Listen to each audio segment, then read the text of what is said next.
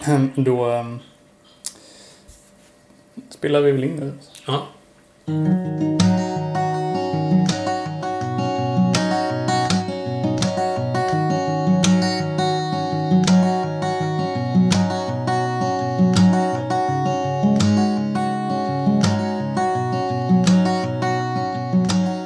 Hej och eh, god afton eller god dag eller god middag eller god morgon kanske för dig som är uppe tidigt och lyssnar på det här. Du lyssnar på Flaggpodden och vi har kommit till avsnitt fyra efter mycket om och men. Och du eh, David, det var länge sedan sist. ja, det var det.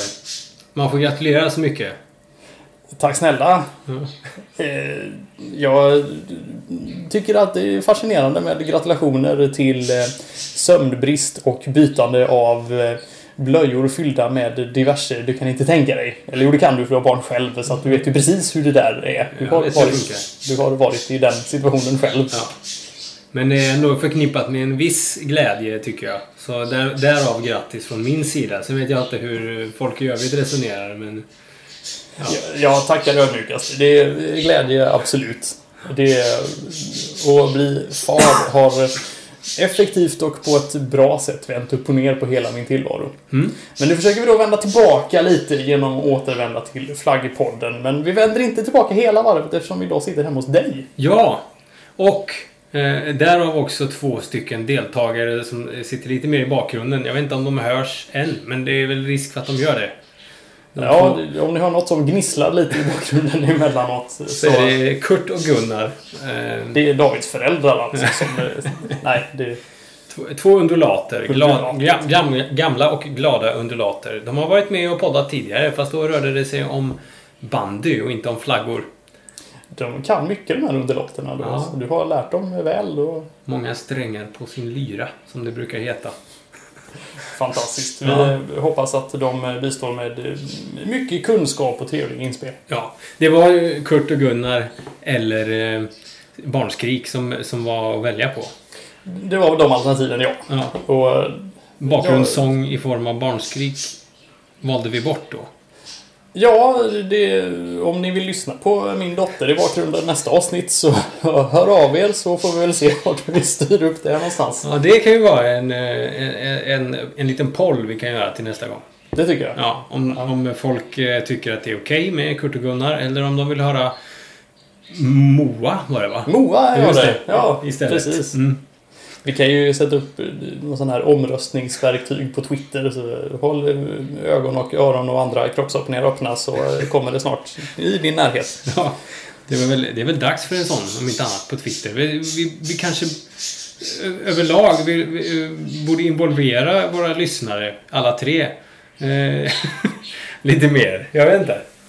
Jo men faktiskt. Och det är ju så att vi har ju ändå fått en viss återkoppling. Ja, det fått. Bland annat så fick vi tidernas första lyssnarmail till flaggpodden gmail.com. Maila oss därför att det är i alla fall en annan som gör det.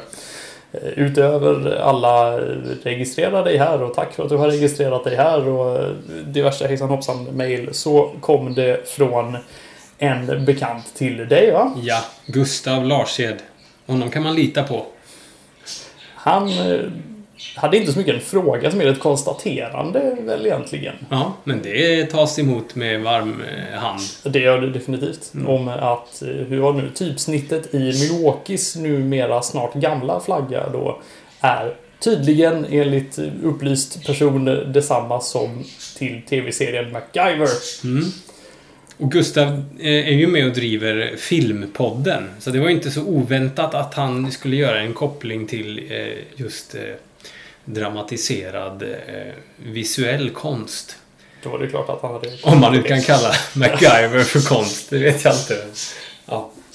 Då kommer ju frågan, var kommer Richard Dean Anderson ifrån? För att om det är någon, han eller någon i produktionen som är från Milwaukee skulle det kunna vara en fantastisk lite subtil hyllning till sin hemstad och denna vedervärdiga flagga. Mm, mm. Skulle kunna vara så. Men jag har ju för mig att han är från Kanada. Men jag, Jaha. det kan vara lite mycket sagt kanske. Jag vet inte. Men det ligger ganska nära. Vi får skicka ett mail till Gustav och ställa den frågan. Ja, du kan höra av dig igen här nu då med var kommer... Är det någon i produktionen som kommer från Milwaukee så eh, får vi ta reda på i så fall nästa gång ring upp den här personen. Gärna under inspelning. Ja. På amerikanskt väldigt obekväm tid säkert. Eller så är det bara ett väldigt vanligt typsnitt. Ja, det skulle det ju kunna vara. Något vanligt inslag i den i övrigt ovanliga flaggan kanske. Ja, exakt. Ja, vi, vi har ju dessutom fått lite återkoppling på Twitter också av vår eh, kära bandypoddkamrat Daniel Engström Stensson. Mm. Rörande Libanon. Mm. Och han, han ställde faktiskt en fråga och det var ifall libanesiska skolbarn får någon sorts mall för att rita det cederträdet i mitten på flaggan på rätt sätt. Ehm, men Jag har... Jag ska väl inte säga att jag har försökt att ta reda på om det är på det här viset. Men däremot så har jag sett tillräckligt många versioner av den libanesiska flaggan för att tro att eh, det är nog hyfsat fria tyglar för de libanesiska skolbarnen faktiskt. Så länge det är grönt och i mitten. Det var faktiskt en sak som jag hittade Mhm. då. Att ja, eh, vissa har avbildat den libanesiska flaggan med en brun stam. Mm. Men det är tydligen, det gör man inte. Nej, det är fel alltså. Ja, så Ja. det är fel. Så, så länge sedeln är grön så... Ja, jag har sett där det bara är ett gäng staplade trianglar på varandra. Mhm. Det kanske var eh, Bruno Mars vill jag säga hela tiden. Roman Mars i sina en, enkla... Så Ja. gör flaggan enkel. Det kanske han Mm. som ligger bakom de här trianglarna då. Mm. Men eh, nog om detta. Idag så ska vi inte prata eh, så mycket mer varken USA eller Nej. eh, arabvärlden. Vad tänker du? Libanon. Jag tänkte bara fråga, är det, är, det, är det så att man kan avbilda den med lite vitt på också vintertid kanske? När snön faller på cederträden? Snöade mycket i Libanon tror Sällan. Det finns väl höjder där visserligen, men det... Varför inte? Men Det kan väl vara lite... Antingen så blir det en vacker utsmyckning eller så har du skändat den libanesiska flaggan. Så kan det vara. Man kan säga att Daniels fråga var av modellen svår i alla fall. Om vi har några fly- lyssnare som, som härstammar från Libanon så, så kan ju de höra av sig med fördel. Ja, för all del. Mm. Hör av er bara. Med fakta Jajamän. i frågan. Upplys oss Mm. när vi inte lyckas göra det själva. Ja. Men, Ska vi kasta oss över dagens eh, tema? ja, vi drog ett tema. Du drog ett tema i Det alla var fall min tur förra gången. Ja. Och då landade vi efter mycket harvande i Afrika på hemmaplan. I Europa. Europeiska nationsflaggor. Ja. Och då har vi ju eh, som, som vanligt, eh, höll jag på att säga, för det är det faktiskt. Eh, och det gjorde jag också. Så är det då två flaggor var. Och vi tuffar väl på i det här eh, temat tills vi hittar något annat sätt att uttrycka oss. Ja. egentligen. Vi får väl köra någon sorts uppsamlingspodd när vi har tagit ut alla ämnen och tar resten av flaggorna som vi inte har pratat om redan kanske. Ja. Det lär bli ett maratonavsnitt. ja. Hur som haver, fyra europeiska flaggor och eh, Först ut. Först ut blir vad som enligt dem själva är världens äldsta nu existerande republik. Tillika, enligt dem själva också, den minsta till ytan. Flaggan eller republiken? Republiken tänkte jag på. Okej, här. ja. Ja, även om flaggan är inte är särskilt stor den heller. Eh, Det rör sig nämligen om San Marino. Ah. San Marino är ju som de flesta väl vet helt omslutet av Italien. Och det här med om det nu är världens till ytan minsta republik skulle ju kunna ifrågasättas av att Nauru är betydligt mindre. Ja. Men då kommer några, vi vill vara minst samarineser in här. Det där gäller tydligen att vara minst i San Marino. Ja. Minst och äldst. Då, Ja. ja. Eh, då lägger de in att jo, men Nauru har en massa territorialvatten som inte vi har. Och då vips så växer det. Det här har vi också varit inne på tidigare där eh, ett land vi nämnde förut, Kiribati, skulle bli ungefär stort som Europa om man la in allt deras territorialvatten. ja. Och då består av vad, 32 32 öar och... Öar. Nej, 32 ö- atoller och en ö. Ah, 32 atoller och en ö. Ja. Så att det, nej, jag vet inte. Jag tror att Nauru är mindre. ja, jag tror faktiskt att de får vika sig där i San Marino. Det, jag köper inte den förklaringen. Mm, nej. Men äldst nu existerande skulle jag kunna gå med på med tanke på att republiken grundades den 3 september år 301 Aha.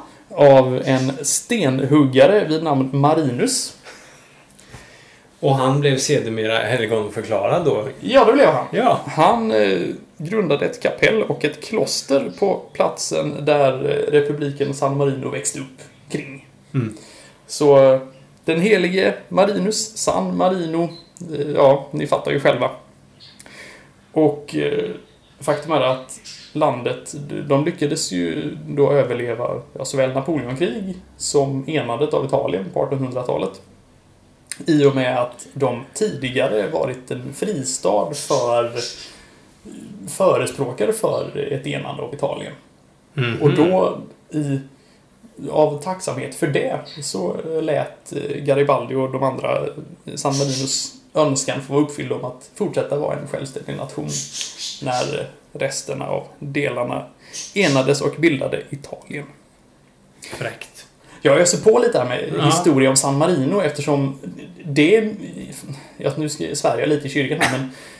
Det är passande. Men eh, det, det känns som att det här landets historia är mycket mer intressant än flaggans. Alltså, ja. Men Ja. Det, det är ju inte sällan det är på det sättet. Och det, det, det tycker jag... Det har vi ju konstaterat tidigare, både du och jag, att vi tycker att det hör ihop. Det gör det ju. Ja. Och när vi till och med efter eh, kung Bummibolla Duljadeis bortgång eh, nämnde att Sobusa den andre av Swaziland minsann var den som suttit längst på tronen. Ja, och Vet hut, Expressen. Ja, det var pinsamt faktiskt. Så då fick man ju användning för att vi hade faktiskt pratat om från början Swaziland. Svas, swasis, ja, Ja. flaggan. Jag har problem med det här med nationaliteter. Tydligen. Jag trodde inte det, men sen började jag spela in en podd där man nämnde nationer och då visade det sig att det hade jag visst. Men i alla fall. Eh, San Marino i alla fall. Ja, kör på. Vi kör lite mer historia. Därför att under 20 år, 1923 till 43, så styrdes landet av eh, San Marinos fascistiska parti. Och eh, landet, de verkar ha någon sorts förkärlek för politiska extremer. Eftersom man 1945 skaffade sig världens hittills enda demokratiskt valda kommunistregim. Så där ja. Och de satt eh, från 1945 till 1957. Så det, ja, antingen så kör vi väldigt långt ut till höger eller väldigt långt ut till vänster. Och ja, istället för att gå in på flaggan så tänkte jag faktiskt nämna en intressant detalj till om San Marino. Kör. Det är nämligen det enda land i världen som har fler bilar än invånare. Eh, Ja, Ja. där satte du vattnet i halsen. ja. Jag, jag letade efter något smart att säga där, men jag kunde inte komma på något. Gasen i botten någonting kanske. Eh, 2014 så var nämligen siffran eh, bil per invånare 1263 bilar per tusen invånare. Ja. Hur många invånare har landet för övrigt? Omkring 30 000 tror jag. Ja. Mm. Vilket gör det till eh, det minst befolkade landet i, eh, i Europarådet. Ska det vara. Okej. Ja. Ja. Det är ju, ja. Det finns ju ett annat litet land omslutet av Italien där det bor ännu färre än vad det Ja, gör i San ja. Marino. Som också är mindre till ytan, vilket ju måste gräma samarineserna något oerhört.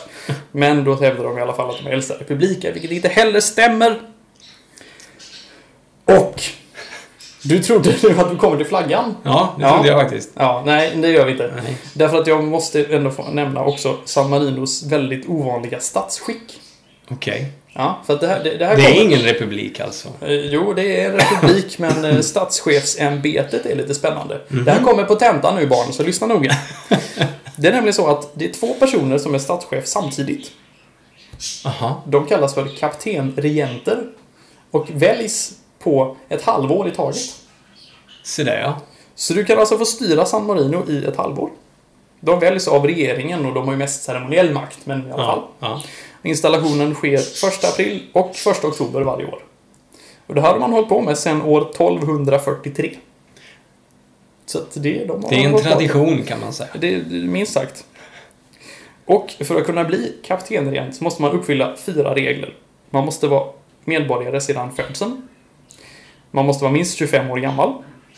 Man måste vara ledamot i parlamentet. Och man får inte ha varit kaptenregent under de senaste tre åren. Jaha, så man kan bli det igen alltså om man har varit det tidigare? Det kan man.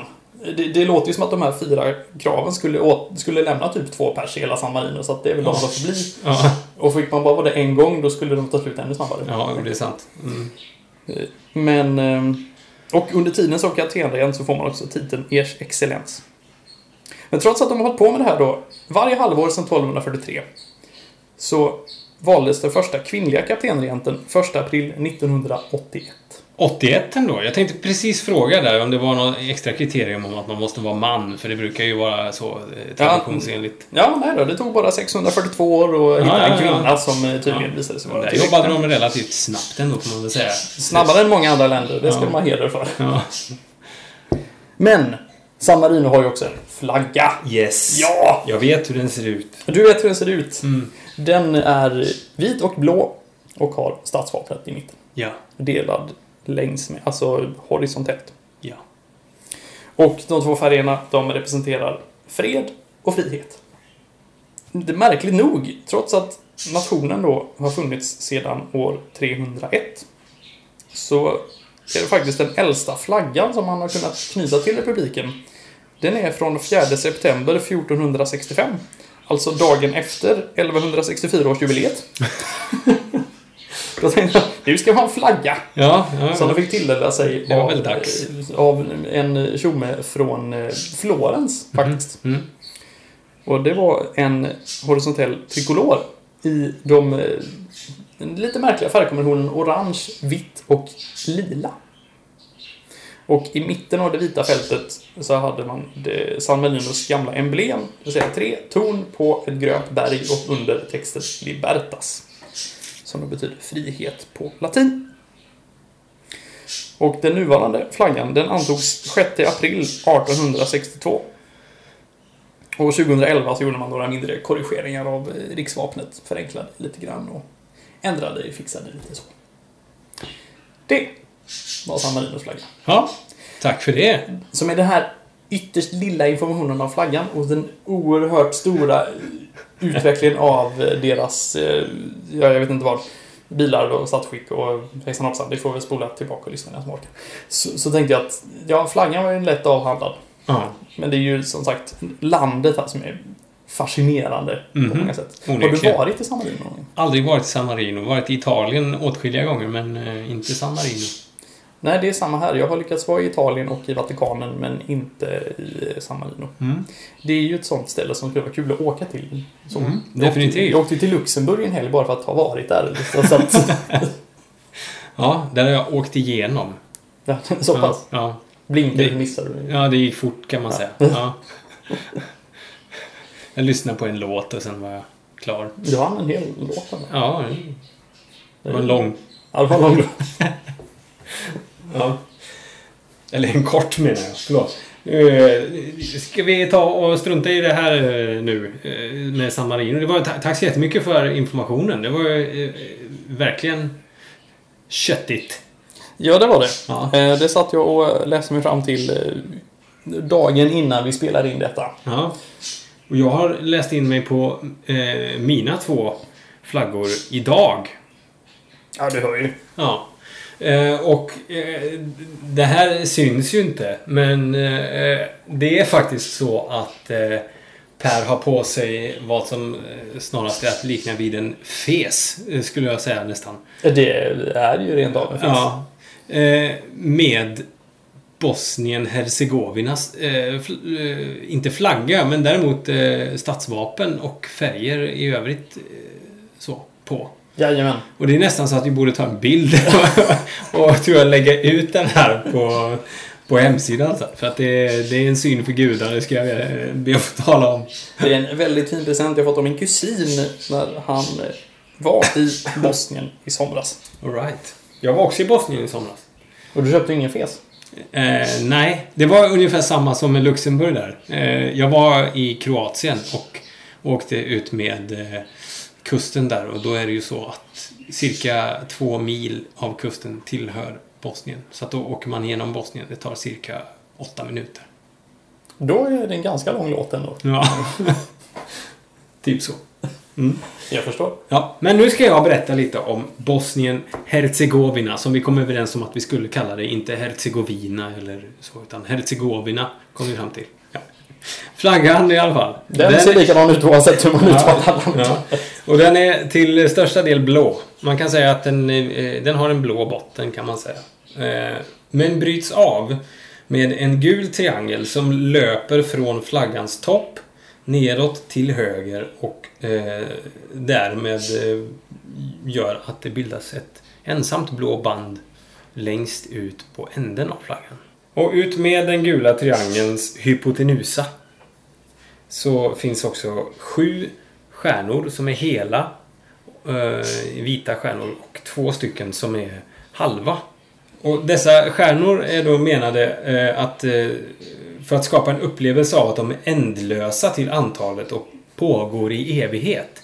Ah. Eh, det är tanken. Så de symboliserar ingenting så specifikt, någon av de här flag, fla- eh, stjärnorna menar jag. Förlåt. Äh, utan det, det, de representerar Europa. Jag vet inte hur det liksom går ihop med för evigt Europa. Jag, vet inte, jag, jag har inte fattat den där grejen riktigt. Men så är det i alla fall. Eh, och triangeln då eh, är i sig inte bara eh, kopplat till att landet har en något triangulär form. Eh, men eh, däremot är den tänkt att representera de tre stora folkgrupperna. Bosniaker, kroater och serber. Mhm. Mm. Och det gula då står för hopp. Och det blå och vita för fred och frihet och Europa och tjosan hejsan. Eh, sammantaget så ska den stå för enande istället för, eh, ja, som landet tidigare brottats med då, motsättningar och delning. Eh, och den antogs 1998 i februari. Eh, så den är inte så jättegammal, den här flaggan. Den har heller ingen som helst koppling till någon eh, flagga som använts i området eh, någonsin tidigare. Utan den är liksom helt ny, nydesignad. Och det här med att den ska stå för enande istället för eh, motsättningar och delning är lite ironiskt. Med tanke på att eh, när den presenterades så var det FN-representanter som gjorde det. Därför att det bosniska parlamentet lyckades inte komma överens om vilken flagga de skulle ha. Det, Det var, det var, det var ett visst antal kandidater som, som, som man fick välja mellan och ingen av dem fick liksom allas förtroende. Men en av dem fick lite mer förtroende av de flesta. Och det var den flaggan som nu används kan man säga. Det var skönt att de tog den i alla fall. Som Ja, flest var ja. överens om. Precis. Men, tänker nu den lärde. 1998. Bosnien blev ju självständigt 92. Ja, det stämmer, säger jag då. Men eh, den flaggan som användes dessförinnan, eh, den var vit och hade en blå sköld med sex guldfärgade heraldiska liljor. Tre på var sida med ett vitt band som delade av den här skölden.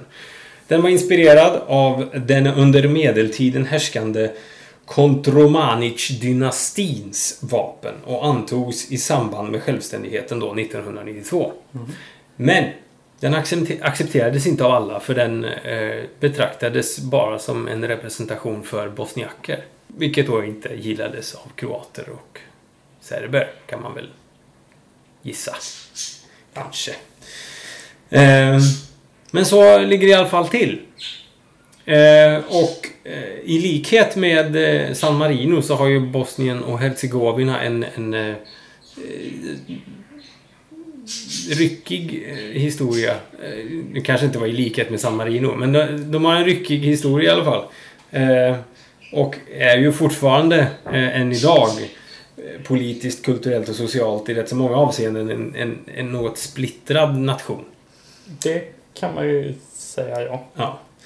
Eh, landet består till största del av två eh, autonoma regioner. Det fastställdes genom Daytonavtalet då. Eh, och de heter Federationen Bosnien och Hercegovina och Republika Srpska.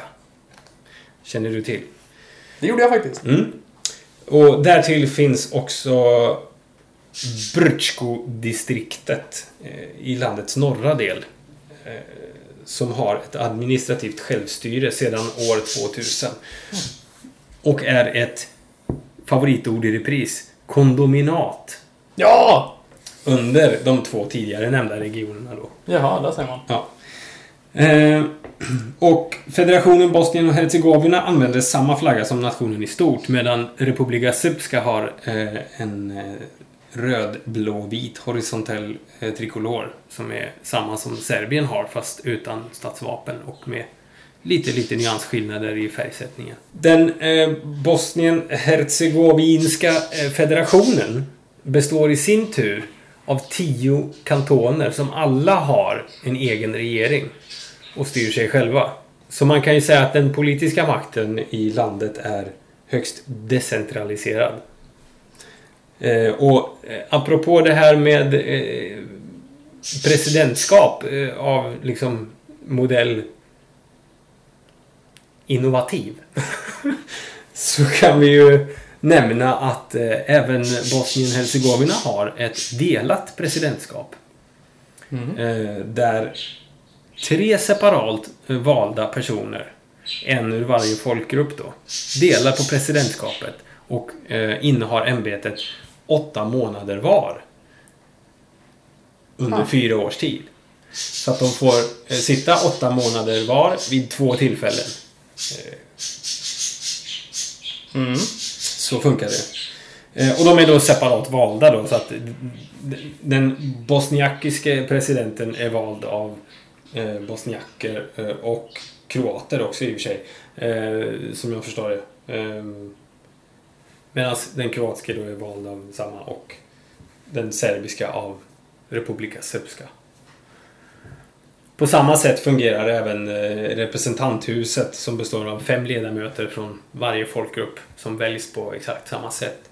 Och eh, ja, Men alla de här erkänner ändå varandra då så att det inte blir någon Mm. isolerat folkgruppsstyre nej, nej, stöten. nej. Eh, saken är den att fortfarande så är det högsta politiska ämbetet i, eh, i Bosnien-Hercegovina eh, en fredsbevarande liksom eh, internationell person. Eh, eftersom ja, de bedöms behöva det eh, fortfarande. Eftersom de inte anses vara tillräckligt stabila eller något. Jag vet inte. Ja. Vilket man kan tycka vad man vill om. Intressant om inte annat. Jag tycker ju faktiskt att det är en, eh, en bra lösning eh, för ett land som eh, är så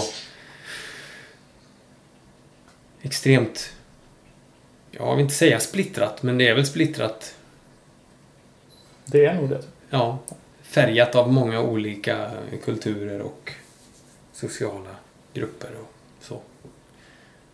Mm. Eh, historiskt sett då, eh, i alla fall, så har Bosnien och Hercegovina använt ett antal olika flaggor för att eh, representera ja, respektive territorium och sådär.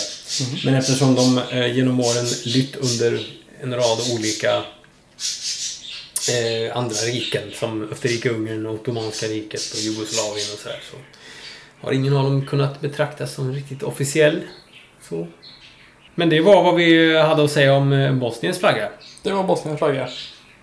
En eh, fin flagga tycker jag. Jag tycker den är jättetjusig. Inte bara för att den är blågul. Då så. Du sitter ju dessutom och tittar på, på min eh, fina fes här. Jag tar till den lite. Så, ja. vad vill du bjuda på härnäst?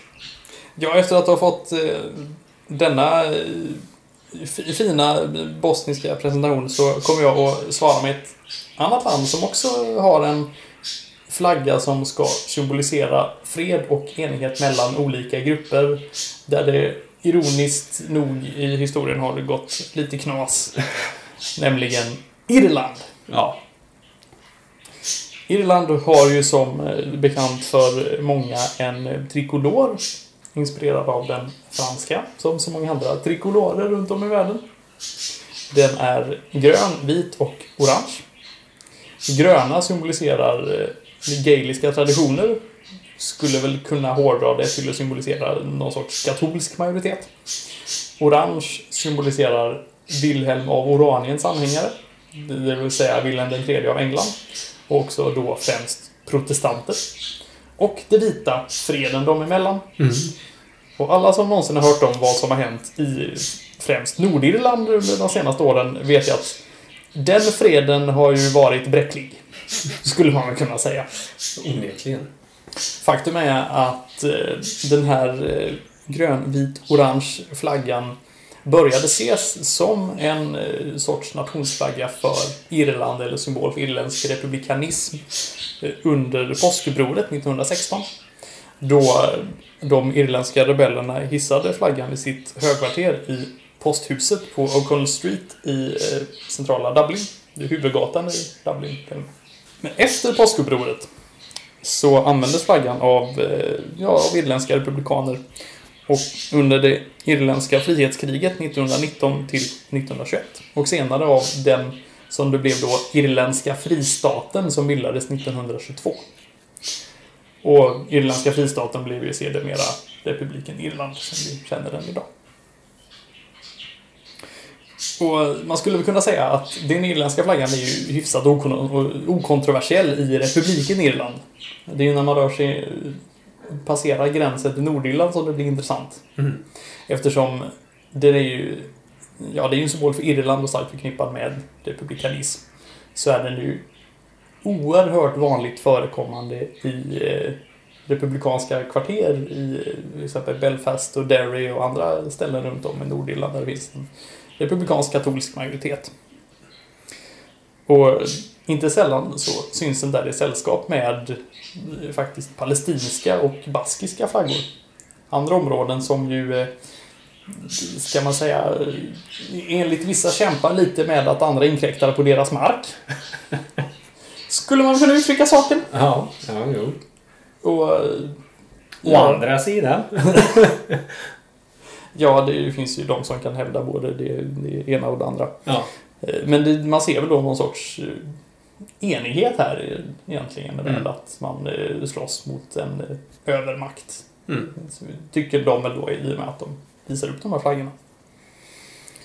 Eh, Och det intressanta är, jag vet inte om du har varit i, på Irland? Nej, det har jag inte. Jag lyckades ju vara där, ska vi se nu, ja förra sommaren blir det. Mhm. Och eh, det var ju väldigt intressant när jag besökte Belfast just och promenerade i eh, republikanska områden, irländska flaggor överallt. Och så har de ju sina jättehöga murar. Som alltså, det finns fortfarande murar i Europa trots att Berlinmuren föll för bra många år sedan. Som de ju kallar för Peace Walls. Och på andra sidan den här fredsmuren så ser man då ett eh, unionistområde och där är det bara Union Jack. Överallt. Så om flaggor har stort symbolvärde så har de det definitivt i Nordirland, kan man ju lugnt säga.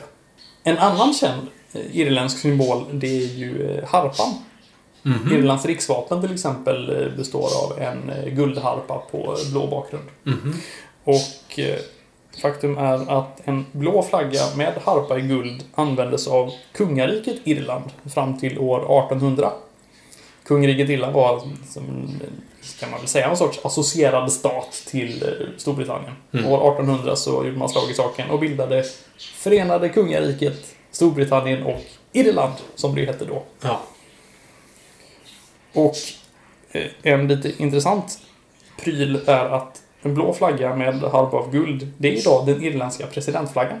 Men det finns också en variant med eh, harpan i grönt fält. Den användes av eh, en organisation vid namn United Irishmen i ett uppror mot kungamakten 1798. Och det var egentligen, Det hela. ja, Ja. Irland helt enkelt. That's it. Ja. Det fick vi ju eh, veta lite mer om det där som man eh, vet men inte vet så mycket om. Nu, eh, nu ska vi kasta oss över en flagga med eh, lite mer historik än Bosnien-Hercegovinas i alla fall. Och det är den tyska flaggan. Då är väl ändå den också ganska ung i sin nuvarande utformning.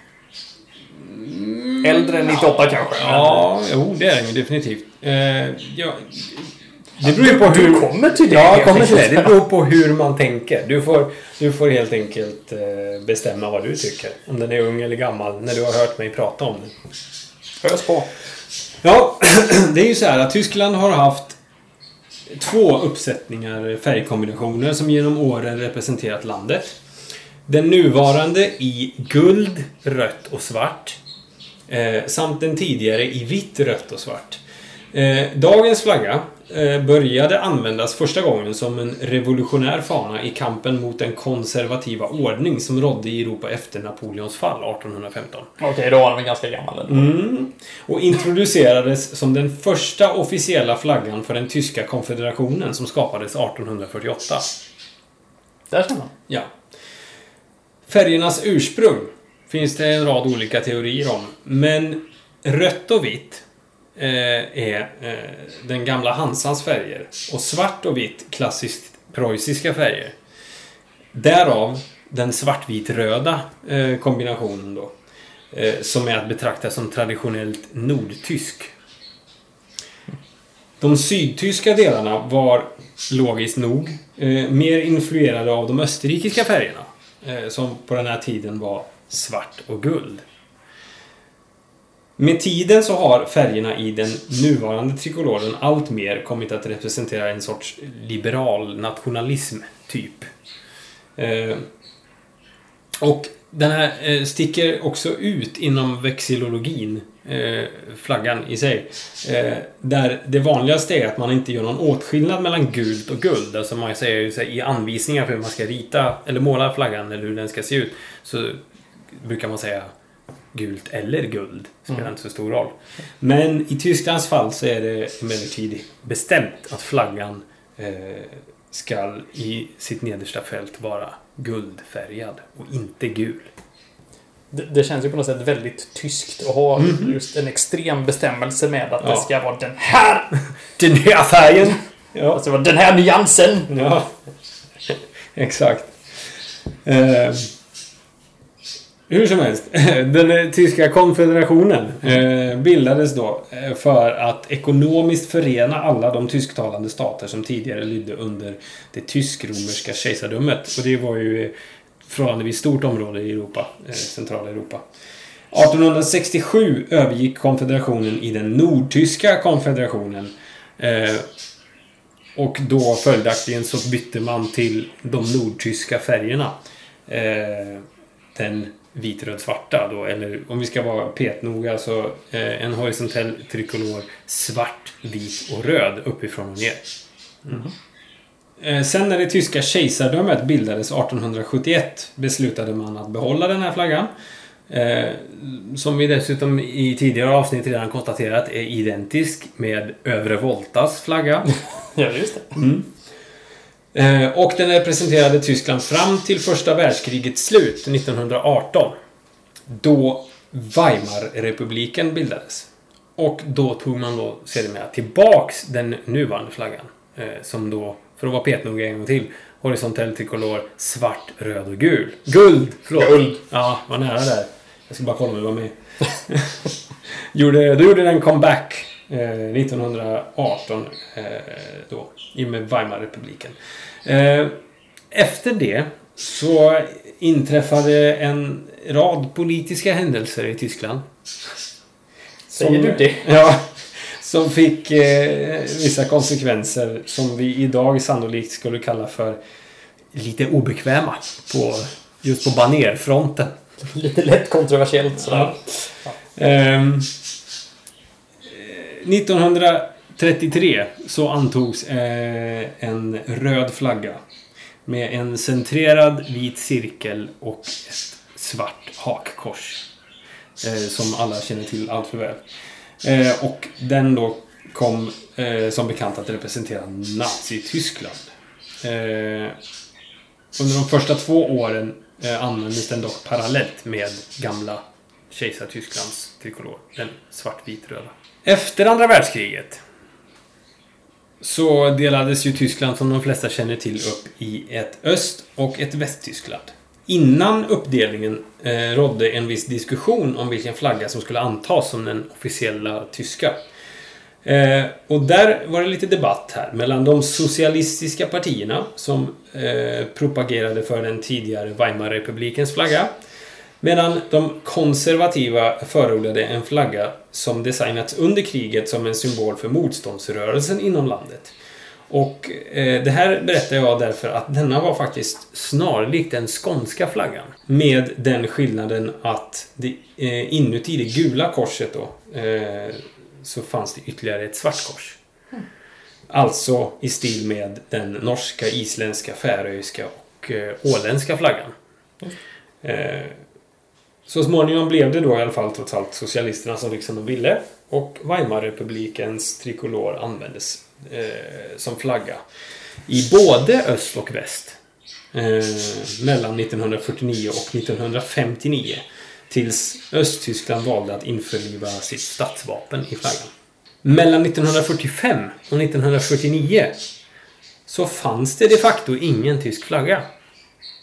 Fanns Tyskland ens då? Nej. Väl... Landet hade ju ingen regering. Eh, utan eh, administrerades av de allierade. Eh, däremot så var man ju ålagd då eh, att ha en, någon form av flagga inom flottan. För att ja, representera båtar och fartyg som kommer från Tyskland. Och eh, då valde man eh, helt sonika att eh, använda den internationella maritima signalflaggan för bokstaven C. Eller The Charlie Pennant. Jaha. Och den ser ut som Costa Ricas flagga. Fast med en svalstjärtsformad ände. Ja. Mm. Var, varför just ett C? Ingen som helst aning. Spännande. Ja. Ehm, ja, och den östtyska flaggan då sen. Eh, med statsvapnet. Eh, som består av en hammare, en kompass och, och med en ring av råg runt om. Och det är ett typiskt exempel på det kommunistiska arvet. Eh, kan man säga. Eh, hammaren symboliserar arbetare. Kompassen symboliserar akademiker och eh, råg symboliserar bönder. Och eh, i likhet med eh, det rumänska emblemet som vi också har nämnt tidigare Mm. så kom ju det här stadsvapnet att klippas ut ur flaggan som en del i proteströrelsen i slutet av 80-talet. Innan Tyskland så småningom återförenades. Ja. Och David Hasselhoff sjöng åt de frihetstörstande massorna vid Brandenburger Tor. Exakt. Jag har många gånger frågat mig varför de inte då i fasa sprang åt andra hållet och byggde upp muren igen. Men Mm. eh, det är ett ämne för en annan podd. Ja. Eh, ja, och nu representerar ju då tidigare Västtysklands eh, flagga hela landet. eh, Som alla säkert känner till. Eh, men den som kan sina flaggor väl vet ju också att man ibland kan se en svart örn på en gul sköld mitt i den tyska flaggan. I vissa sammanhang. Eh, och det är ju det tyska statsvapnet då. Eh, den officiella regeringsflaggan innehåller eh, detta statsvapen. Och den står var och en fritt att använda hur man vill egentligen. Eh, så den får eh, eh, representera landet i alla sammanhang. Där ser man. Eh, m- man kan väl dock säga att eh, nationalism i Tyskland har stagnerat en aning. Eh, Du menar det? Ja, efter andra världskriget. Eh, och behovet av att markera densamma med symboler och flaggor har inte varit så stort. Men i samband med fotbolls-VM 2006 så fick den tyska flaggan ett uppsving kan man säga. Och började användas mer frekvent igen. Så, så ligger det till. Jag kan ju... Tack så hjärtligt. Mm, Det var väldigt bra och fint redogjort. Jag kan ju tänka att det, det är ju alltid tråkigt när man inte känner att man kan använda sin flagga av eh, det ens det historiska arvet. Mhm. Men det hade väl... Det, det känns väl lite mer okej än om de hade behållit eh, naziflaggan, kan man ju tycka. Definitivt. Det hade ju kunnat... Eh, jag vet inte... Höjas en del röster ute i stugorna annars. Bra! Ja, eh, Det, det var Europa det. Det var Europa. Nu ska vi ta eh, Vi tar, du får ta. Lite lappar vi har använt. Jag har ju med Ja, ja, låda.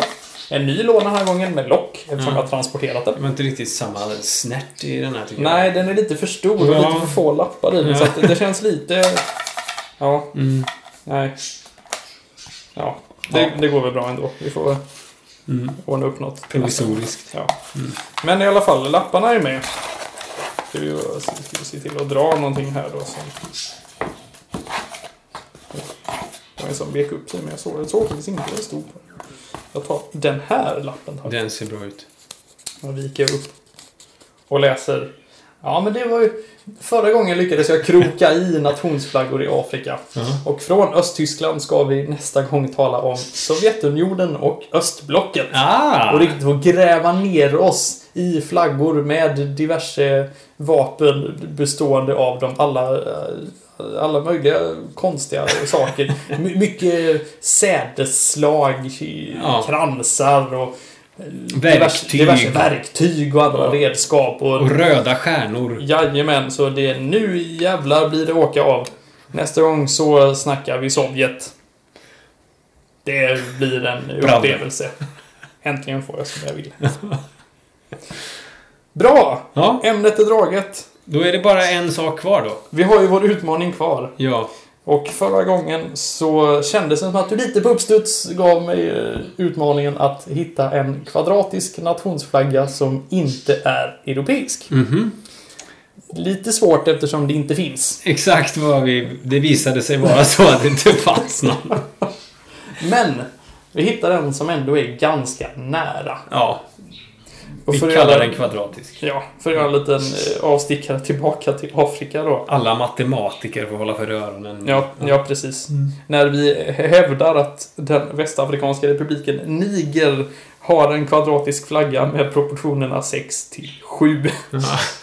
Det är väldigt nära. ja. Och de har då en horisontell trikolor i orange, vitt och grönt. Med en orange cirkel i mitten av det vita fältet. Och den orange färgen eh, står för eh, Saharaöknen. Eh, grönt för grässlätter och Nigerfloden. Och vitt står för savannen. Och den orange cirkeln symboliserar solen. Mhm. Och där hade vi kunnat nöja oss med att den nästan kvadratiska ni nigeriska, säger man så på flaggan? ja, det tror jag man gör. Ehm, problemet är bara att de verkar inte bry sig så mycket själva om proportionerna. De gör inte det? Nej, Nej. men i många officiella sammanhang så eh, avbildas flaggan i proportionerna 2 till 3. Vilket är ganska vanligt för flaggor. Ja, jo. Så. Och i deras riksvapen så är det väldigt långa flaggor som avbildas. Då är det en sköld i mitten och så är det flaggor runt om. Och det, det har till och med, när jag har läst på här, väckts någon sorts teori om att avbildningen i proportionerna 6-7 inte är fastställda någonstans utan ett resultat av att olika personer som avbildat flaggan kopierat varandra. Så att någon började i så fall med att avbilda den nästan kvadratisk och någon hängde på. Kanske efter att ha sett någon Jaha. version av flaggan som var så. Så Mhm. tänkte att då måste ju det här vara flaggan. Men som sagt, det, Det är hörsägen helt enkelt. det, det, det skulle kunna vara så. O- Oavsett vilket så känns det i alla fall som att eh, nigerierna har en väldigt avslappnad inställning till proportionerna på sin nationsflagga. Allt ifrån nästan kvadratisk till till och med 1 till 2. Mhm. Mm. Ja, Så att så var det med det. där du är. Den nästan kvadratiska nigeriska flaggan. Ja. Det verkar ju som att de i Afrika inte bryr sig så jättemycket om sina flaggor överhuvudtaget, tycker jag. På något sätt. Alltså vi nämnde det Burkina Faso, de var liksom så här, ja, flagga, liksom, manjana, manjana, lite grann. Ja, det är, ju- jag, jag vet inte. Det, det till? sätter flaggor och bröd på bordet. Jag, alla är ju inte lika nördiga som vi. Nej. Men jag har... Du har tänkt ihop- till Jag har kokat bättre. ihop en liten sak. Ja, Men vi har ju pratat om det här och ja, ni hör ju som sagt hur det går när vi utmanar varandra. Så ni som lyssnar, skicka in era frågor eller om ni själva har någon utmaning. Mhm. Vad är det här för flagga? Ta reda på en sån här flagga. Mm. Etc, etc. Hör av er bara. Vi är idel öra och lyssnar troligtvis. Min eh, kära svärfar försökte ju eh, här förleden och få mig att falla på snöret när han skickade en bild på Transvaals flagga och frågade om jag visste vilken det var. Mm. Och det är klart att jag visste det, att jag hörde din redogörelse om den ångestfyllda kompromissen som är Sydafrikas tidigare flagga. Ja. Det var ju inga problem. Nej, det förstår jag mycket väl. var. Spänn bågen, Kent Markusson, till nästa gång. Så får vi se om det går bättre. Men, jag har faktiskt en utmaning till dig David. Tack. Eller det, det är inte så mycket en utmaning som att jag skulle... Det, det, jag vill att du tar reda på en sak. Okej. För det är ju nämligen så att du har ju tidigare berättat om, vi har ju pratat om eh, när Bruno Mars säger att säger att text på flaggor är Ja. big no-no. Ja. Så därför så skulle jag vilja att Det är jobbigt när man heter Bruno Mars och Ja. inte får använda text. Ja. Do-wops and hooligans. Ja, varsågod. Fortsätt. jag skulle vilja att du hittar en flagga med så mycket text som möjligt. Jag menar inte att du ska hitta flaggan, Ah. men mest att egentligen så skulle jag vilja att vi nästa gång pratar om den flagga i världen med mest text på. Men om du inte hittar det, så i alla fall så skulle jag vilja att du berättar om den flagga du lyckas hitta med så mycket text det bara går. Okej. Challenge accepted.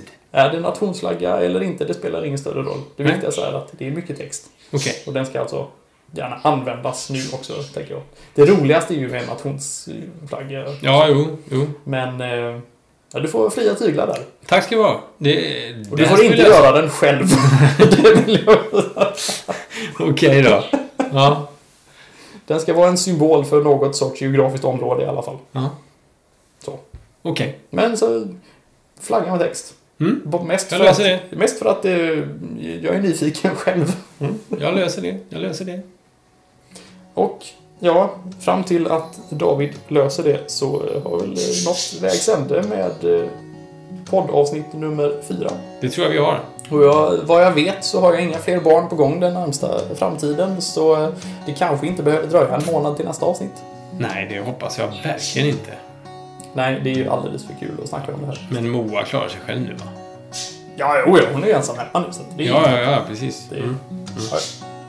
Ja, men då så. Då... eh, that's a wrap. det är det. Ja, vi eh, hörs nästa gång. Det gör vi.